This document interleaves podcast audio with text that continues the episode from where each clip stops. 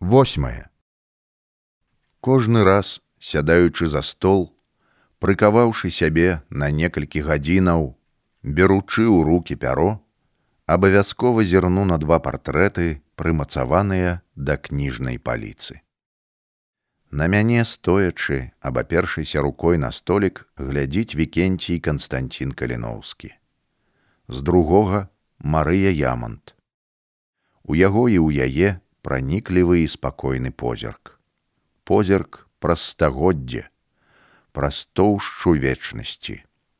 Позірк прамень які пранізвае на пластаванні часу дасягае да сэрца кожнага з нас тых хто кахаў тых хто ахвяраваў сваім каханнем дзеля высакароднай мэты Перш чым распачаць апісваць тое, пра што намерыўся, шмат рабіў выпісак за ўваг выпадковых сведчанняў тых падзей. Потым яны лягуць у агульную тканіну галоўнага аповеда. Запіс першы. Праваслаўныя святары, якія падпарадкоўваліся цару бацюхну і служылі яму верай і праўдай, парушалі Божыя запаветы. Яны дапамагалі царскім войскам адшукваць паўстанцкія атрады, займаліся і лжэсведчаннямі, распаўсюджвалі сярод сялянаў чуткі, што паўстанне скіравана толькі на тое, каб вярнуць назад прыгоннае права, памагалі сялянам лавіць інсургентаў і выдаваць царскім уладам. Гэта выклікала гнеўны пратэст тых, хто ўдзельнічаў у паўстанні, хто паклаў сваю галаву на плаху царскіх катаў. Тады і пачалася помста праваслаўным святарам. Святару жытлінскай царквы слонімскага павета мікалаю ступніцкаму паўстанцы пагалілі галаву і выграблі ўсе харчовыя прыпасы з яго засекаў. Суседняга святара прымусілі падпісаць ад імя непісьменных сялянаў адозву а ў дальнім павеце прымусілі ксяндза падчас літургіі прывесці да прысягі на карысць паўстання праваслаўнае насельніцтва прачытаць маніфест на польскай мове. Ноччу 23 траўня 1863 года быў забіты святар праваслаўнай царквы ў мястэчку сураж гарадзенскай губерні. Літовскія епархіяльныя ведамасці у прапагандысцкіх мэтах ад імя мясцовага благачыннага насельніцтва паведамлялі. Узброеныя мяцежнікі 40 чалавек у паўночны час акружылі хату святара Пракаповіча і з крыкамі адчыняй пачалі стукаць у дзверы. Айцец Пракаповіч, пачуўшы крык і гул натоўпу каля яго хаты і разумеючы, што яму пагражае, паспеў схавацца на гарышчы яго адшукалі, пачалі біць і выбіваць у вокнах шыбы. Святара застрэлілі, потым павесілі. Раніцай пайшоў у іншы свет айцец Канапасевіч, святар мястэчка Багушевічы і гуменскага павета мінскай губерні. 3 ліпеня раз'ятраныя сяляне даведаўшыся, якую шкоду паўстанцам учыніў святар рапацкі з мястэчка контры пружанскага павета гарадзенскай губерні, забілі яго. Царскія ўлады ў сваю чаргу таксама спрычыніліся да помсты каталіцкім святарам. Вікарны ксёнз і шора з лідскага павета ваенным судом прыгавораны да расстрэлу толькі за тое, што чытаў маніфест нацыянальнага ўрада ў студзені 1863 года і заклікаў вернікаў да паўстання. Вільня 22 траўня бачыла, як яго павялей пад канвоем ад дамініканскага кляштара, які пераўтварыўся ў турму для паўстанцаў на лукішскі пляц. Там і пакаралі пры вялікай грамадзе народу, не знялі з яго нават сан святара.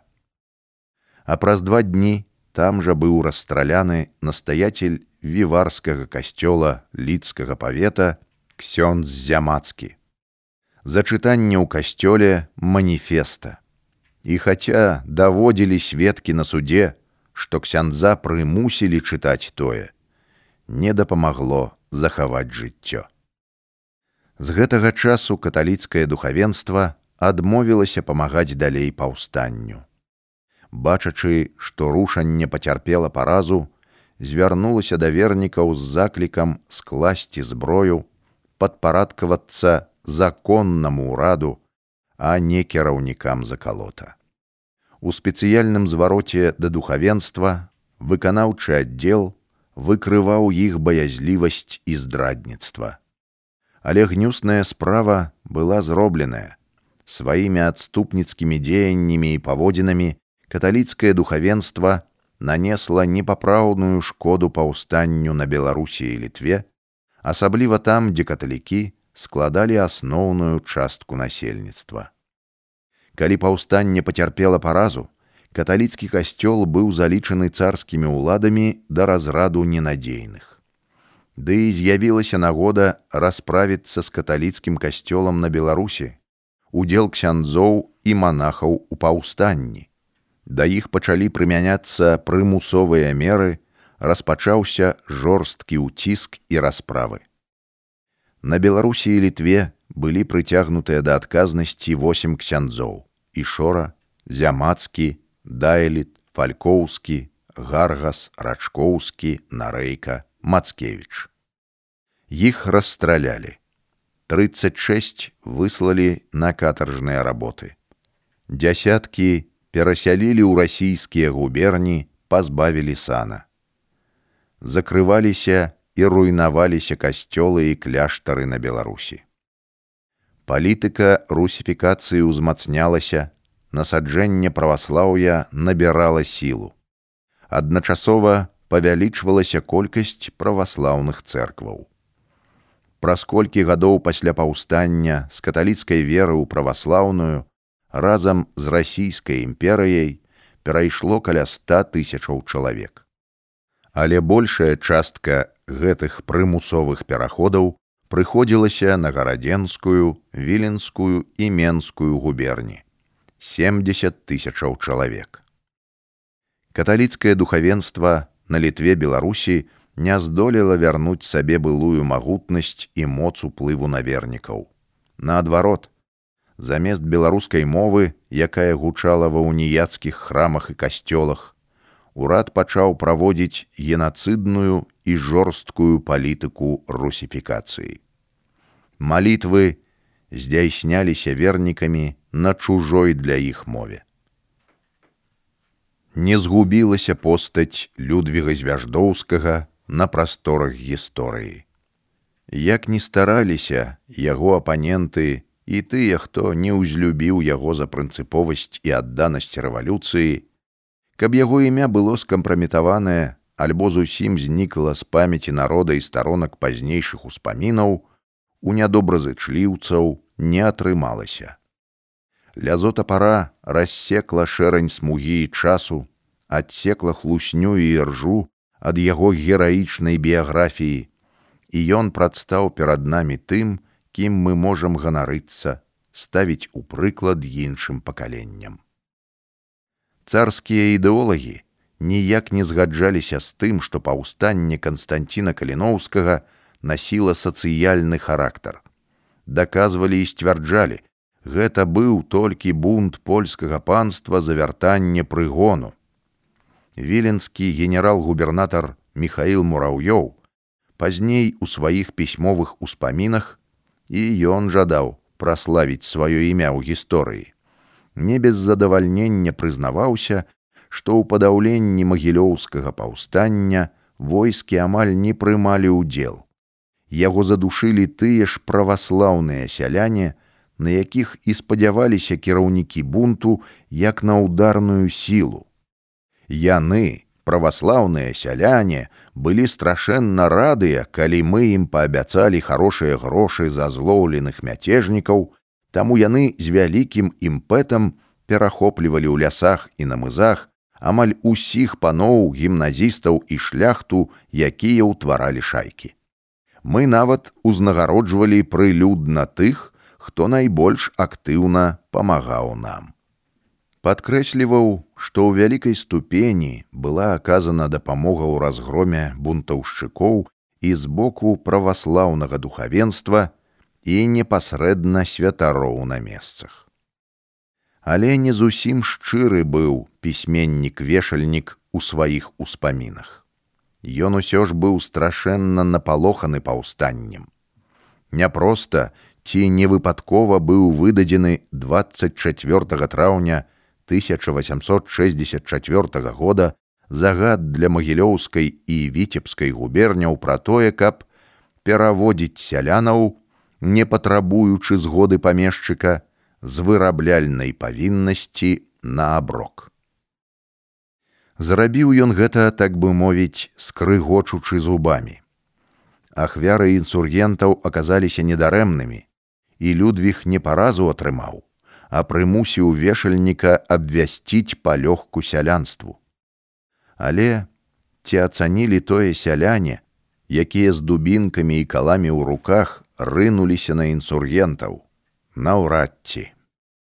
Звяждоўскі апынуўся за мяжой. Гэта выклікала недаўменне многіх, амаль усе ацанілі гэты факт як баязлівыя ўцёкі.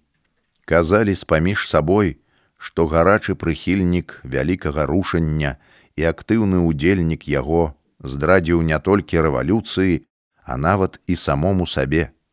Ніхто не хацеў зразумець звяждоўскага, разабрацца ў сітуацыі, бо самі не падстаўлялі свае галовы пад дубінкі праваслаўных сялянаў.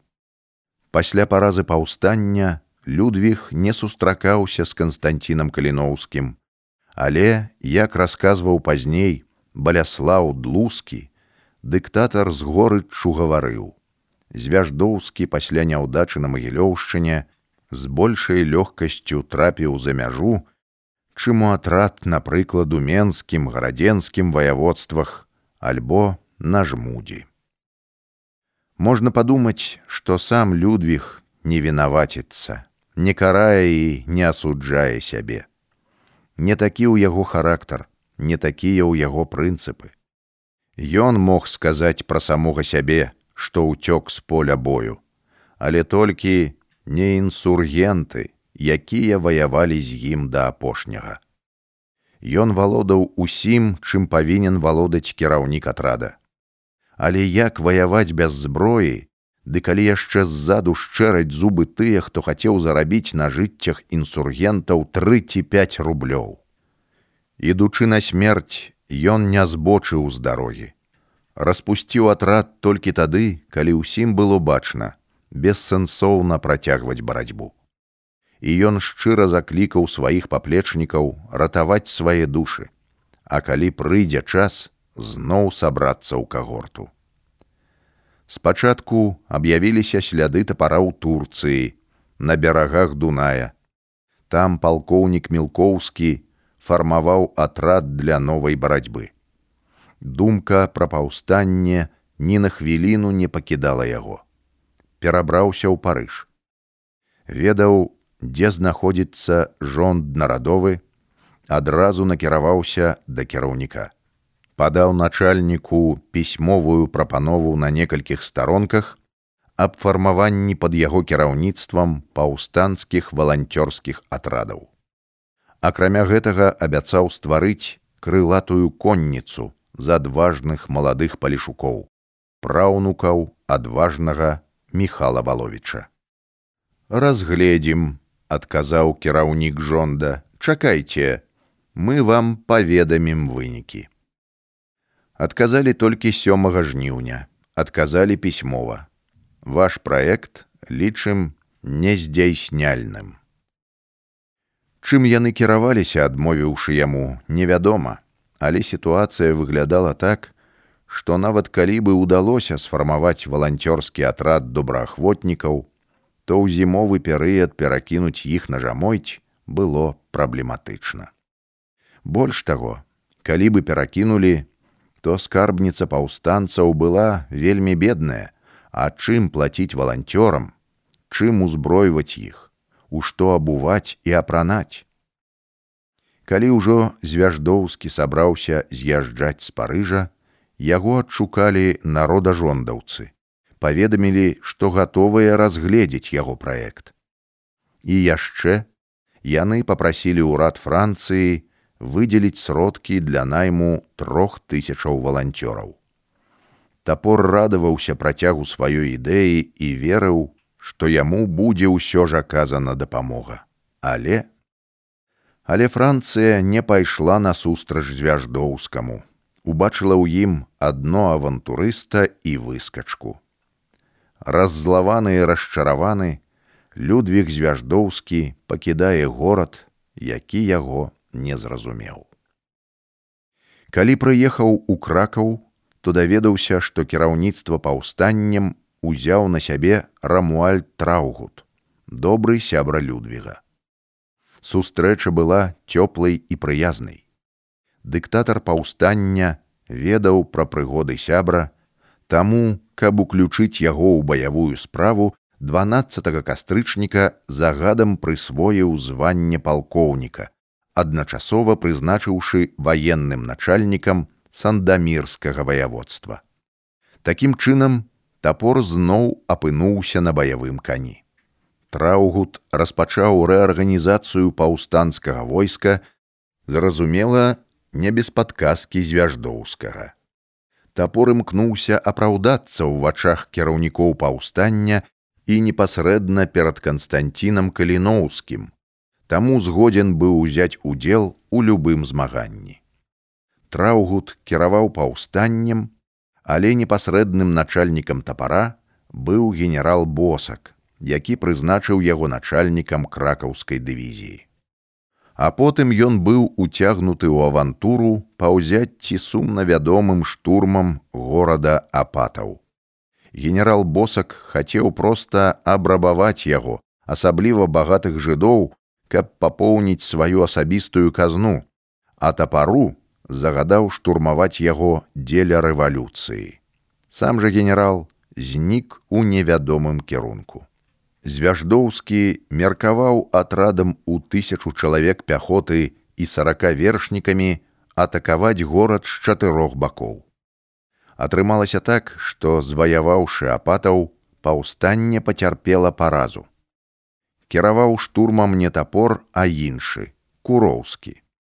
Звяждоўскі змяніў параненага камандзіра аднаго з аддзелаў і сам быў на чале штурма.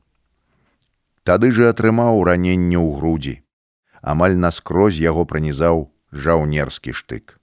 На руках параненага палкоўніка вынеслі з поля бою і занеслі ў бліжэйшую вёску. Паклалі ў хляве, дзе правёў усю ноч. Царскія карнікі адшукалі яго на наступны дзень. Генерал-маёр Чангары, начальнік клецкага ваеннага аддзела, выдаў канфармацыю павесіць звяждоўскага. Але абгарэлая бэлька хрустнула і тапор упаў на зямлю па законе пакарання любых злачынцаў ахвяры павінны дараваць жыццё павінны але тады ўжо амаль беспрытомнага царскія карнікі зацягнулі на рынок апатава і там расстралялі бесчалавечна ўсё гэта антыгуманна насуперак усім законам хрысціянства і юрыдычных пастулатаў маралі і Божых запаветаў. Але такім закон, так бы мовіць, не пісаны, бо яны самі былі па-за законам.